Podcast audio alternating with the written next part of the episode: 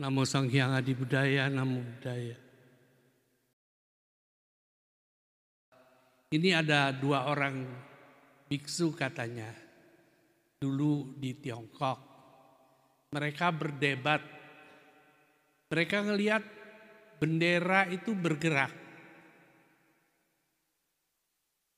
Jadi kata biku yang satu, yang bergerak itu sebetulnya apa? Angin atau bendera? Kata biksu yang satu, ya angin lah. Kalau tidak ada angin, benderanya mana bisa bergerak sendiri.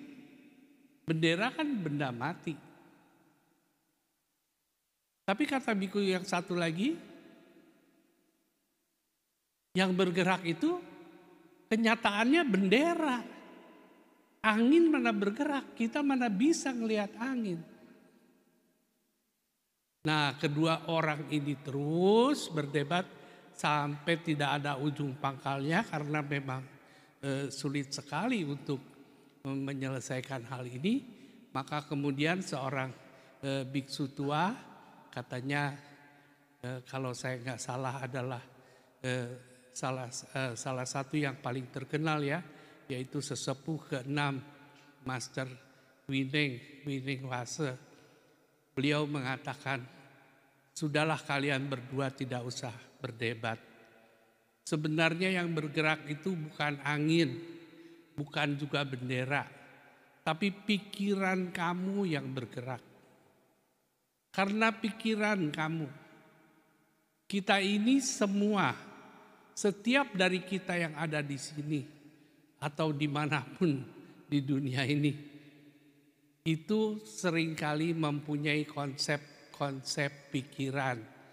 Dan karena konsep pikiran itulah yang membedakan kita satu sama lain membuat kita ini menjadi berselisih paham. Kita mengatakan begini teman kita yang lain mengatakan begitu karena masing-masing mempunyai konsep pandangan seseorang ya. Selalu berbeda membuat perbedaan. Sebenarnya kalau pikiran kita tenang maka semuanya akan aman-aman aja ya. Kita semua akan berada di dalam kebahagiaan.